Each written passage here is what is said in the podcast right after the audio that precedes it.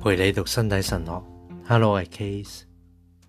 保罗喺加拉太书嗰度写弟兄们，你哋蒙召系要为到得到自由，但系唔好以呢个自由作为随从肉体生活嘅借口，唯要用爱去彼此服侍，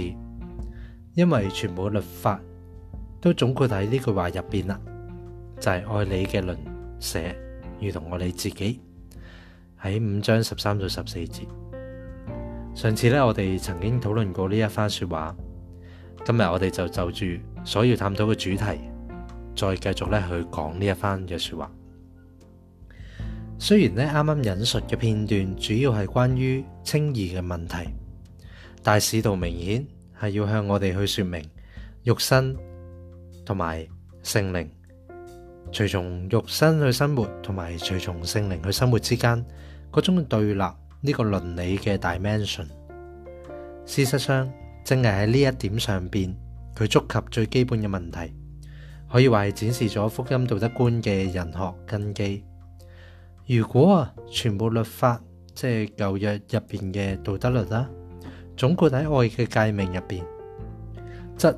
福音嘅新道德觀必然就係訴諸人嘅自由，訴諸最完整咁樣去體現嘅自由。嗰个可以话系充分咁样善用人嘅精神所具有嘅力量。保罗好似系将自由同埋律法互相对立起嚟。然而喺深入分析之后，我哋发现喺加拉太书入边，保罗主要系强调喺伦理学而论，自由系从属于爱嘅，而爱呢系全部律法得以满全嘅一个元素。并且系福音入边最重要嘅界命内容，基督解救咗我哋，系为使我哋获得自由。呢句话既指出咗自由喺伦理学同埋神学上边从属于爱，并将自由同埋爱嘅界命联系起嚟啦。从呢个角度去理解自由嘅呼召，即系你哋蒙召系为咗得自由啦，就系要培养嗰种随从圣灵。嘅生活得以实现嘅道德观，事实上，自由亦都有遭错误去理解嘅危险嘅。因此，保罗喺同一个语境入边，清楚咁指出：，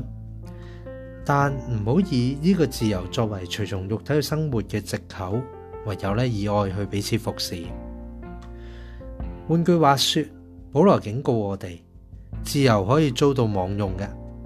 而违反咗基督为人嘅精神所成就嘅解放，亦都相反咗基督解救咗我哋后，我哋获得嘅自由。事实上，基督体验并且展示咗嗰个爱入边获得满全嘅自由。我哋因住咁样自由嘅彼此服侍，换句话说，呢个自由成为随从圣灵嘅新作为同埋生活嘅根源。当自由成为随从肉体生活嘅借口，就会形成呢个自由嘅对立面啦，并喺一定程度上否定咗呢个自由。咁样一嚟，自由就成为咗随从肉体嘅作为同埋生活嘅根源，唔再系基督解救咗我哋之后我哋获得嘅真自由，反而成为咗随从肉体生活嘅借口。成为受制于人身嘅娇车眼目嘅贪欲，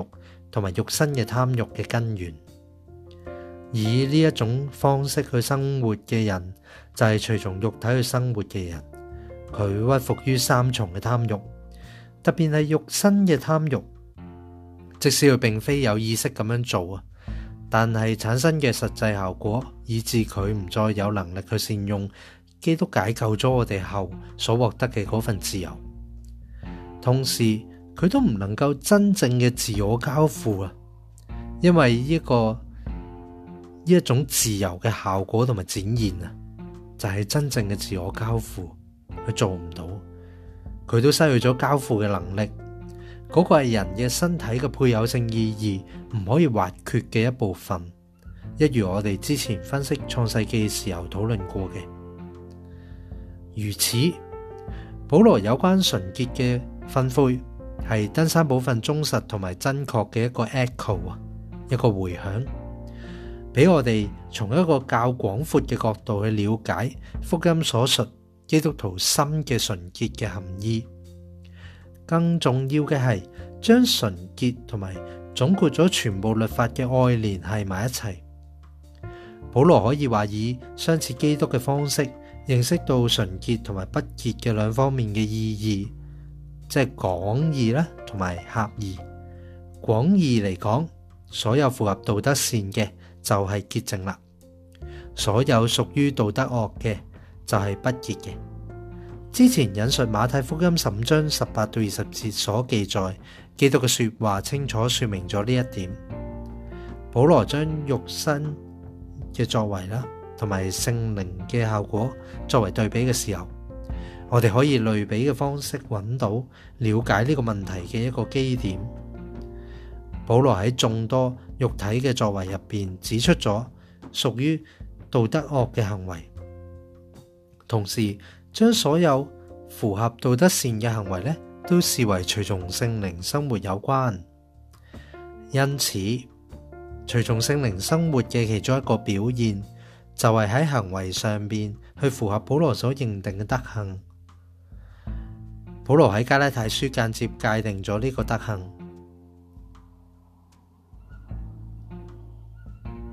并且喺帖撒罗尼加前书嗰度直接讨论咗。喺刚才详细去论述嘅加拉太书片段入边，使徒提到肉体嘅作为嘅时候，首先就开列咗淫乱啦、不洁啦、放荡。尽管如此。当佢用圣灵嘅效果同呢啲行为作为对比嘅时候，佢冇直接提及纯洁嘅，反而咧用咗用咗自我克制，即系 self mastery。下文咧就亦做自制，即系希利文入边嘅 e n c a tia。我哋可以见到自制系一种得闲嚟嘅，系关于节制感官嘅各种欲望。特別喺性方面嘅節制，故事淫亂不忌放蕩嘅對立，亦都係醉酒同埋施行邪法嘅對立。因此，保羅所提到嘅自制，想必包含咗節制 （continence） 或者轉折」、「t e m p e r a n c e 相當於拉丁文入边嘅 temperance。嘅意思，即系有節制啦，同埋诶轉折嘅意思。嗰個自制嗰個字，我哋喺呢一度面對嘅係一個較晚期嘅神學思想啊，一套廣為人知、關乎德行嘅理論方法，特別係士林神學所採用嘅呢個理論方法係引用咗阿里士多德嘅倫理學。